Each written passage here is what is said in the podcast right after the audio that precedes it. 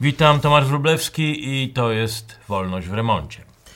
Migracje to kolejny z żywiołów, które wpłyną na nowy porządek rzeczy. O losie ludzi, którzy przedzierają się do Europy, napisano i powiedziano już sporo, ale to, co na koniec zdecyduje o tym, jak wyglądać będzie nasz zachodni świat i nasz kontynent, nie będzie zależało od tych, którzy tu przybędą czy już przybyli, ale od odporności europejskiej kultury i zachodniej cywilizacji. Od nas samych. Europa jest dziś w ogniu kilku równoległych i często przeciwstawnych procesów migracyjnych. Pierwszy to największa fala napływała od 2015 roku. Tylko w tym roku liczba osób nielegalnie przekraczających granice wzrosła już o 77%. Liczba wniosków o azyl wzrosła z 630 tysięcy w 2021 roku do 924 tysięcy w 2022 roku i w tym roku przekroczy 1,5 miliona. Kolejny proces to eskalacja nastrojów antyimigracyjnych.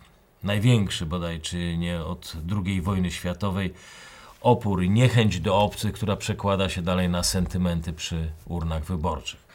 Trzecie zjawisko, dokładnie przeciwstawne, to największy od 80 lat brak rąk do pracy i tutaj mamy z kolei aktywne werbowanie i ściąganie pracowników do Europy. Zresztą nie tylko do Europy. Skala to jest porównywalna chyba tylko z wielkim werbunkiem tureckich pracowników przez rząd Niemiec czy francuskiego rządu, który werbował algierskich pracowników po II wojnie światowej. Tyle tylko, że tym razem to zjawisko jest naprawdę, naprawdę powszechne. E, w Kanadzie e, rząd w tym roku ściągnie z całego świata 465 tysięcy profesjonalistów razem zresztą z rodzinami. Niemcy uruchamiają własny program relokacji wykwalifikowanych pracowników spoza Europy, tak zwany Opportunity Card.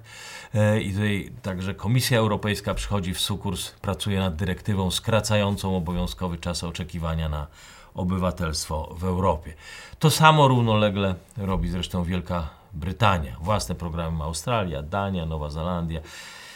Z jednej strony mamy wielki wyścig z czasem i demograficzną plajtą starzejących się narodów, a z drugiej strony coraz więcej, coraz wyższych murów, patroli morskich, deportacji, takiej panicznej próby pogodzenia utopijnych ideałów o Europie wszystkich narodów z Europą narodowej fragmentaryzacji, odradzających się antagonizmów narodowych. W miarę jak w całej Europie kurczą się wpływy z podatków, a regulacje i socjalna dezynwoltura rządów przyspieszają proces pauperyzacji klasy średniej, radykalizują się też oczywiście nastroje i eskalują żądania usztywnienia polityki migracyjnej. E, wysokie poparcie w Polsce dla budowy muru na granicy z Białorusią nie jest tutaj czymś odosobnionym. Mury rosną wszędzie, w całej Europie. Z kolei silne niegdyś organizacje aktywistów, którzy niosły wsparcie tym nielegalnym emigrantom, napotykają w tej chwili na coraz większy opór polityczny. E, we Francji decyzja o patrolowaniu plaż i konfiskowaniu łodzi, łodzi, którymi migranci przedostawali się do Wielkiej Brytanii, okazuje się, że ma dziś szerokie poparcie społeczne. Wypychanie nielegalnych migrantów poza granice, poza zasieki, to już jest e, rutynowe działanie. W Finlandii, Estonii, w Polsce wiemy o tym. Włosi blokują porty i nakładają kary na organizacje, które pomagają w transporcie nielegalnych migrantów. Masowe deportacje we Francji, w Niemczech, właściwie nikogo to już nie oburza, nie zwraca uwagi mediów. Wielka Brytania e, podpisuje umowy z afrykańskimi krajami na przechowywanie osób czekających na prawo do migracji. No i Parlament Europejski ostatecznie popiera program współpracy państw w takiej zorganizowaniu deportacji do Afryki i Azji. Wszystko to są rzeczy, które rok temu wydawały się niemożliwe. Wszystko dzisiaj okazuje się rutynowe i tylko z rzadka odnotowane jest przez media. No ale pamiętajmy, że to dopiero jest początek, bo w miarę jak zbliżać będą się kolejne wybory narodowe, gotowość rządów do podejmowania bardziej radykalnych działań też będzie rosła. Wędrówki ludów od zawsze towarzyszyły transformacjom gospodarczym, zmianom technologicznym, przemianom demograficznym, przesunięciom geopolitycznym, konfliktom i oczywiście też działaniom wojennym. Nic nowego. W drugiej połowie XIX wieku, u szczytu industrializacji, przepływy ludzkie były, były proporcjonalnie jeszcze większe niż te, które obserwujemy dzisiaj. Amerykański historyk socjolog Douglas Massey w swojej książce zwraca uwagę, że 48 milionów Europejczyków, którzy opuścili kontynent między 1846 a 1924 rokiem, stanowił aż 12% całej populacji Europy w 1900 roku. Dziś mówimy zaledwie o kilku procentach populacji Afryki czy Azji, ale bezwzględne liczby to już robią tu wrażenie. Według Organizacji Narodów Zjednoczonych od 1960 roku liczba migrantów na świecie wzrosła aż czterokrotnie z 90 milionów do 170 milionów w 2000 roku i 258 milionów w 2017 roku, dzisiaj 340 milionów. Co więcej, nigdy w historii, nigdy wędrówki ludów nie były tak wszechobecne, ani nie były tak znaczące politycznie. Według autorów bardzo takiej obszernej monografii o współczesnej migracji, nigdy wcześniej przywódcy polityczni nie przywiązywali takiego znaczenia do problemów migracyjnych i nigdy w takim stopniu równowaga społeczno-polityczna nie była zakładnikiem polityki migracyjnej. I dodajmy, że też nigdy politycy nie byli tak bezradni wobec narastających wędrówek ludów. Ja tutaj świadomie używam terminu wędrówki ludów. Myślę, że to lepiej przystaje do tego zjawiska, z którym mamy do czynienia, nie tylko z uwagi na, na skalę problemu, ale też wpływ, jaki obecne przepływy ludzkie mają na ład społeczny, przy czym to już jest 8 lat od pierwszej fali, od bezprecedensowego tego napływu mas ludzkich do Europy i Unia Europejska wciąż w zasadzie jest w tym samym miejscu, jeżeli chodzi o myślenie o jakichkolwiek nowych systemowych rozwiązaniach migracyjnych. Brak ich. Jak to zresztą zauważył Manfred Weber, szef Europejskiej Partii e, Ludowej, lunatykujemy wprost w objęcia nowego kryzysu migracyjnego, nie mając ani wiedzy, e, co nas czeka za zakrętem, ani na co się piszemy. Rozpaczliwe, często agresywne działania podejmowane na granicy kontrastują z oficjalną narracją rządów i europejskich instytucji. Wciąż pełnych frazesów o empatii, solidarności, frazesów, których nawet nie próbujemy już rozszyfrowywać. Co tak naprawdę to wszystko znaczy w dzisiejszym zachodnim świecie? Do kogo te słowa adresujemy? Myślę, że nawet jest gorzej, bo jakiekolwiek próby podejmowania debaty o tym, czym ma być ta przyszła Europa, która jak swego czasu Noach Milan na łamach Polityko zauważył, w 2050 roku będzie gościła 200 milionów afrykańskich migrantów. Wszystkie pytania zadawane w tej sprawie, wszystkie próby dyskusji są zbywane jako przejaw rasizmu i nacjonalizmu, a ten ostatni zresztą naprzemiennie używany jest z faszyzmem, choć nacjonalizm z faszyzmem niewiele ma wspólnego. Coś, coś jak ludowa demokracja w PRL-u. Ani to demokracja, ani ludowa. Od roku wsłuchuję się w unijną debatę o migracji. Widzę, że w dalszym ciągu brakuje tutaj próby odpowiedzi na fundamentalne pytanie, co dla Europy, dla naszej kultury, ekonomii, obyczajów oznaczać będzie fakt, że co piąty mieszkaniec Europy wkrótce będzie afrykańskiego pochodzenia, a przy obecnym tempie dechrystianizacji islam stanie się najbardziej wpływową religią. Czy Europa fizycznie jest w stanie zintegrować takie masy ludzkie? Czy będzie w stanie zachować swój dawny model społeczny? I wreszcie, czy, czy wszystkim nam wystarczy cierpliwości, mądrości, żeby uniknąć napięć i przemocy etnicznej? To są pytania, na które nie ma odpowiedzi, bo nikt ich nie stawia. Ale załóżmy, załóżmy, że odpowiedź jest twierdząca, że dochodzi do jakiejś euroafrykańskiej synergii kulturowej, wielkiej europejskiej przemiany. Załóżmy, że odmłodzony i odmieniony etnicznie kontynent wstępują w jego nowe siły, nowe zasoby energii i trochę jak po wejściu Europy Środkowej do Unii Europejskiej udaje się przełamać bolączki starzejącego się rynku pracy, braku pracowników, specjalistów, kulującej konkurencyjności innowacyjności. Mamy nową Europę. Pytanie, jak miałoby wyglądać to przebudzenie? Afryka dziś rozwija się w rytm postępu islamu, który no, od połowy XVI wieku i zapaści Imperium Osmańskiego w zasadzie ledwo co powłóczy nogami za Zachodem. Nie jest żadną alternatywą. Z kolei zachodnia cywilizacja ta też nie ma dziś do zaoferowania migrantom żadnej uniwersalnej religii, systemu wartości, czegokolwiek, co mogłoby na nowo porwać, wyzwolić tą ukrytą gdzieś głęboko twórczą energię migrantów. Współczesne konstrukcje intelektualne zachodniej Europy zostały zbudowane na hasłach ogólnej tolerancji, tolerancji płciowej, seksualnego wyzwolenia. I nie sądzę, żeby one dały migrantom poczucie nowego sensu życia, czy przynależności, tożsamości europejskiej. Bardziej prawdopodobne zdaje się tutaj być realizacja scenariusza Welbecka, powrotu migrantów do muzułmańskich korzeni. Nawet oczywiście, jeżeli islamizacja Europy wciąż jeszcze wydaje się tylko fantazją, to wiecznie tak być nie musi. Zmiany, które już dziś zachodzą w południowej Francji, wybranych miastach Anglii czy Niemiec, zachodzą szybciej niż westernizacja samych migrantów.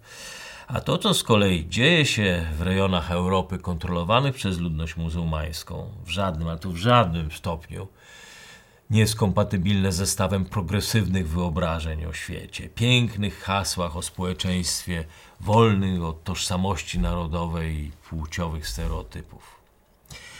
To, co oferuje, raczej lansuje zachodnia progresywna kultura, to dokładne jest przeciwieństwo idei i filozofii, które napędzają dzisiaj środowiska emigranckie.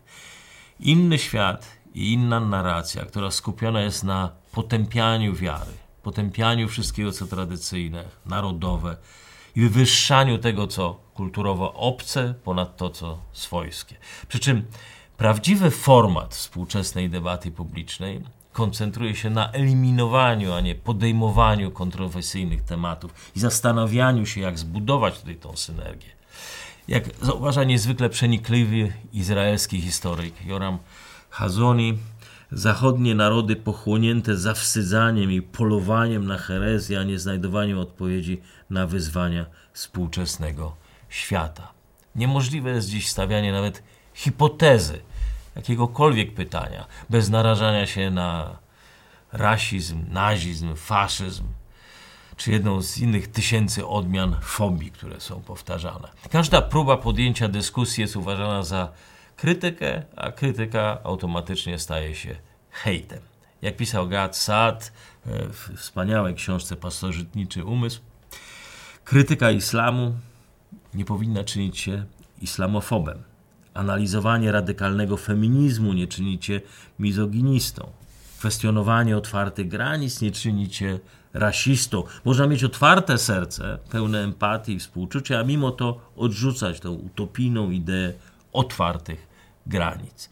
Troszcząc się o bezpieczeństwo kraju, o bezpieczeństwo bliskich, wyrażając strach przed, przed hybrydowymi atakami migrantów, nie stajemy się zaraz rasistami. Patriota to nie faszysta. Zachodnie demokracje stają się intelektualnie infantylnym kampusem, gdzie komfort i forma wypowiedzi są ważniejsze od treści. To cytat również z Hazoniego. Gorzej. Treść zawsze jest podejrzana i niechciana, bo treść zostawia przestrzeń na interpretację i dyskusję.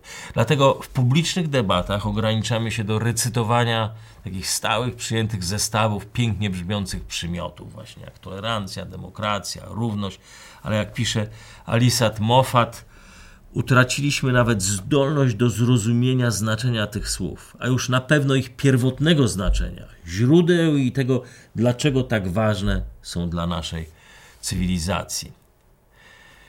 Możemy sobie te przymiotniki nazwać jak chcemy. Możemy nazwać je zachodnimi wartościami, no faktycznie są naszym dziedzictwem, ale żaden z nich nie funkcjonuje w oderwaniu od istoty tych wartości, czyli od wspólnoty narodowej. To trochę jak zachwycanie się konstrukcją samochodu Lamborghini, harmonią kształtów, zmyślnie umieszczone klamki, lusterka, ale na koniec mówimy, że są zaprzeczeniem tego, co samochód ma pod maską. Konstrukcja samochodów jako przeciwieństwo jego napędu, tego potężnego silnika spalinowego Lamborghini. Tak samo jest tolerancja, demokracja, równość w progresywnej narracji ma być zaprzeczeniem państwa narodowego. Cech, które tak naprawdę wywodzą się z idei narodowej. Wypracowane zostały dla budowania spójności i dialogu ludzi, którzy pochodzą z różnych ścieżek życia, których właśnie łączy jedynie poczucie wspólnoty narodowej. Tolerancja dla tolerancji jest czystym abstraktem językowym. To jak płynne i absurdalne mogą okazać się wzniosłe hasła wyjawione z istoty swojego historycznego, naturalnego pochodzenia, najlepiej widać po tym, jak daleko nasze zachodnie cywilizacje odeszły od oryginalnego znaczenia słowa demokracja.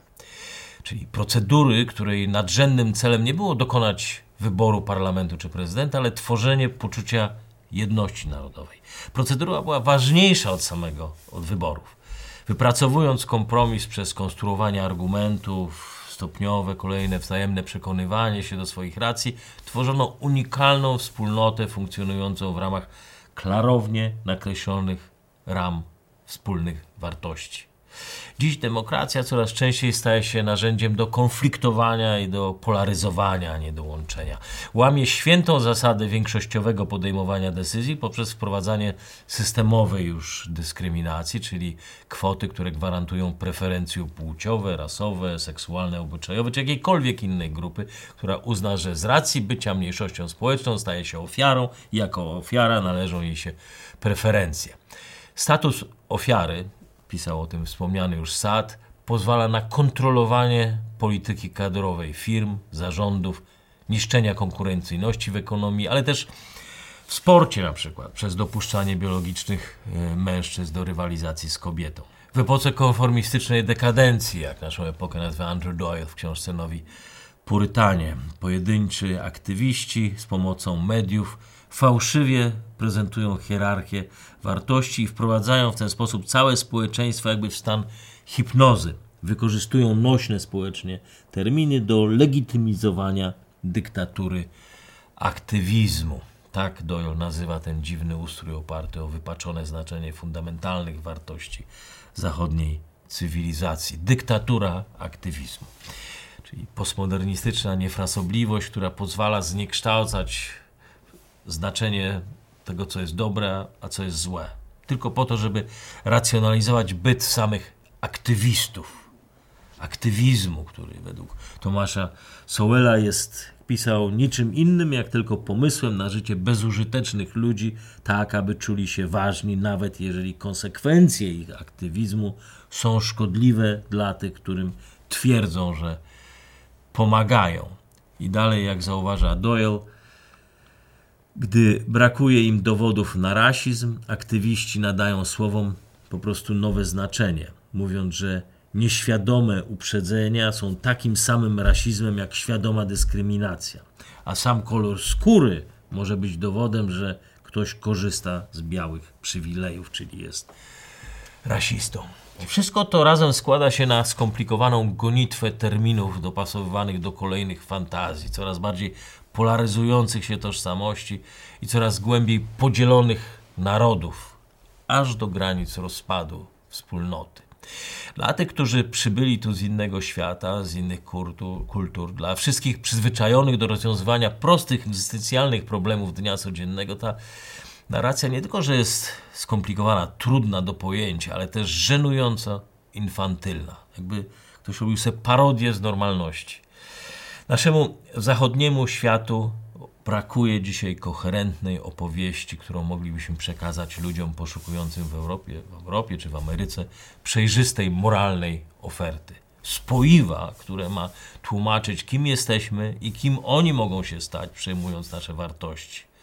Opowieść, a nie jakiś zlepek oderwanych od siebie przymiotów osobowych, które zostały zawieszone w próżni wierzeń czy tożsamości narodowej. Starcia z migrantami nie przegrywamy, bo brak nam sił, technologii, pieniędzy.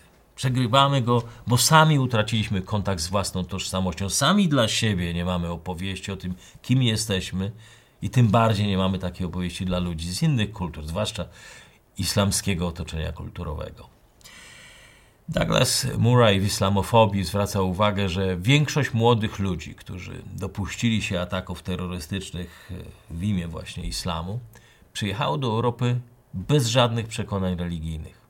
Dopiero tutaj zaczęli szukać swojego miejsca na świecie, bo natknęli się na moralną próżnię. Jedyna oferta, jaką dostali, pochodziła od ekstremistycznych organizacji.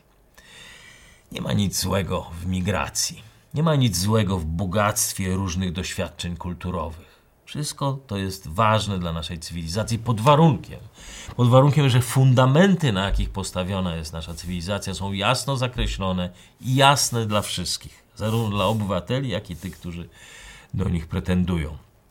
W ostatnich latach powstało całe mnóstwo naukowych opracowań, filozofów, ekspertów, którzy przestrzegali przed ceną, jaką wcześniej czy później przyjdzie nam płacić za unikanie debaty migracyjnej i odwracanie się od własnych wartości.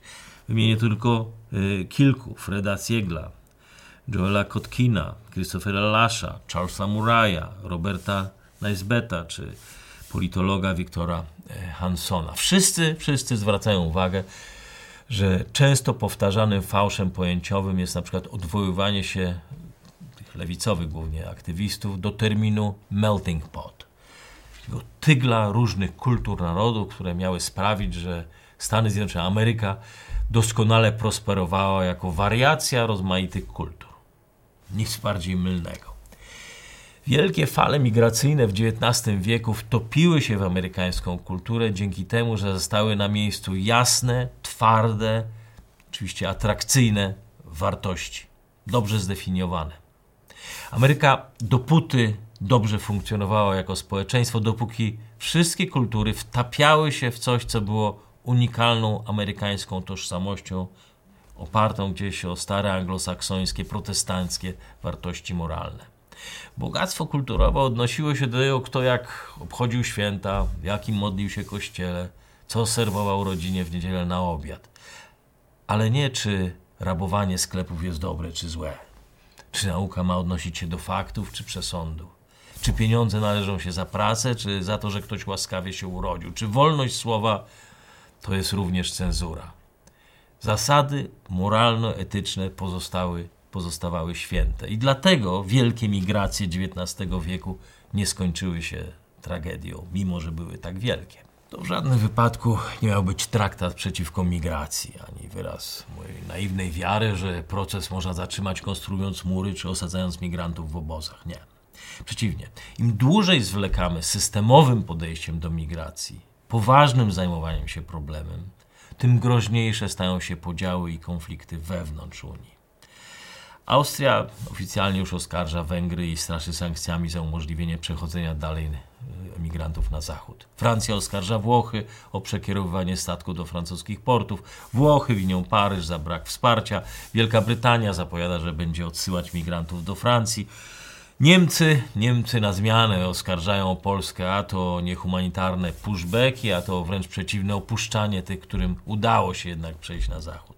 Holandia razem z Austrią blokują wejście Bułgarii do strefy Schengen, bo jak twierdzą, to, to było słowa premiera Rutte, za 50 euro łapówki każdy może przejechać przez Bułgarię. Austriacy ci z kolei forsują i budują całą koalicję państw granicznych, która coraz bardziej przybiera formę konserwatywnej rebelii w ramach samej Unii Europejskiej w Brukseli. Sprawy zaszły tak daleko, że bez całościowego podejścia z udziałem ponadnarodowych instytucji nie będzie już możliwe rozwiązanie napięć migracyjnych. Potrzebujemy systemu, który zastąpi te dzisiejsze chaotyczne i rozproszone przepisy migracyjne. Potrzebujemy jednej spójnej wykładni dla całego Zachodu, takiego systemu, który uwzględni realne uwarunkowania, potrzeby, a nie ciąg życzeniowo-idealistycznych deklaracji. System, który będzie częścią nowego ładu geopolitycznego.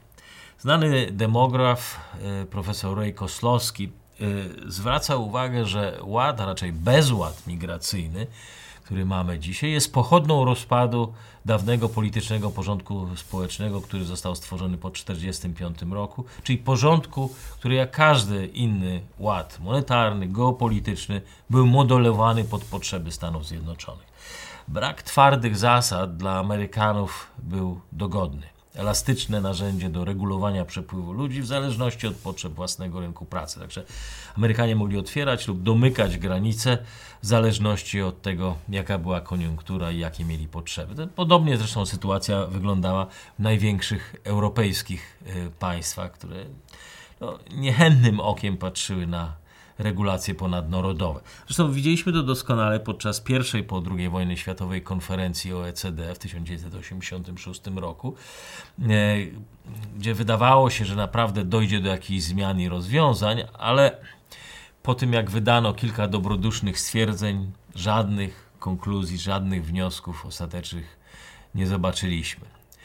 Ostatnie lata do dodatkowo pogłębiły ten dysonans, coraz bardziej humanitarnej narracji o środków progresywnych towarzyszą coraz bardziej niespójne, coraz bardziej arbitralne, często agresywne metody działania, na jakich budowane są narodowe polityki migracyjne w tej chwili. Kombinacja kryzysu demograficznego i ekonomicznego wymusza już jednak pewne zmiany. W Niemczech Bundestag tworzy właśnie szybką ścieżkę do obywatelstwa dla tych wszystkich, którzy tam mieszkają od lat, a przy okazji chce zacieśnić przepisy, które będą regulowały, będą ograniczały wjazd nowych migrantów. W Niemczech żyje dzisiaj jakieś 10 milionów osób, które nie mają jeszcze niemieckiego paszportu, to jest aż 12% populacji.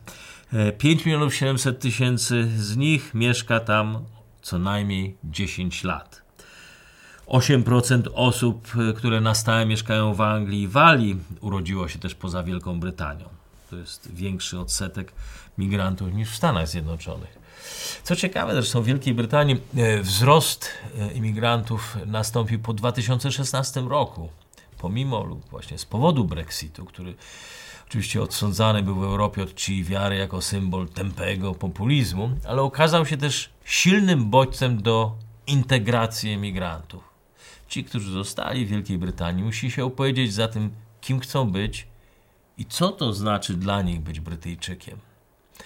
Wspomniany projekt niemieckiego parlamentu idzie zresztą w podobnym kierunku i kładzie nacisk na integrację, która będzie wymagała od przyszłych obywateli biegłej znajomości języka niemieckiego, pracy w wolontariacie, dobrych wyników w szkole, rozumiem, że dla dzieci, dobrych opinii sąsiadów, a teraz ma dodatkowo zachęcać do służby wojskowej. I to rzeczywiście może być rewolucyjny zwrot w myśleniu o migracji, który wymusi integrację kulturową i językową i sami zdamy sobie sprawę, kim jest nasz kraj, nasz naród. Taką nieodrobioną lekcją dla Europy pozostaje jeszcze polskie doświadczenie.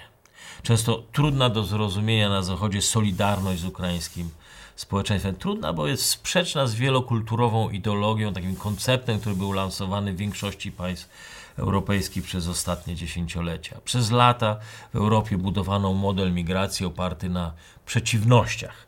Im odleglejsza kulturowo-obyczajowa społeczność, tym bardziej powinniśmy ją ze sobą integrować w imię budowy zróżnicowanej wielokulturowej rzeczywistości. Zresztą było zgodne e, z teorią znanego postmodernistycznego filozofa Eduarda Saida, uzdolnionego ucznia Sartra, wyznawcy rewolucyjnego socjalizmu. Said upatrywał w migracji narzędzie do rozwodnienia, rozbicia zachodniej cywilizacji, którą uważał za źródło wszelkiego zła.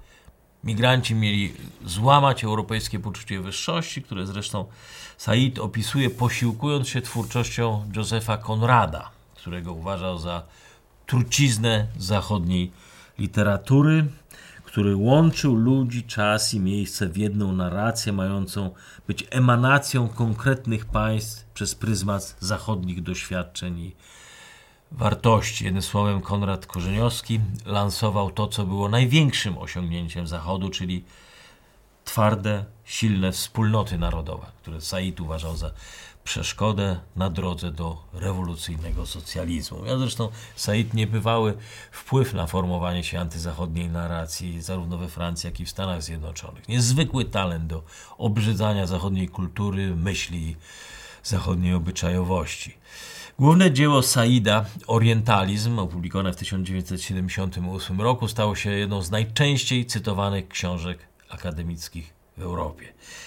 I to właśnie ta książka formowała poglądy większości współczesnych zachodnich elit, które były przekonane o krzywdach, jakie światu wyrządził europeizm. I tylko na gruzach europeizmu można powstać wielokulturowa, prawdziwa społeczność. I tym narzędziem miała być Europa rozbita obcymi kulturowo ludami.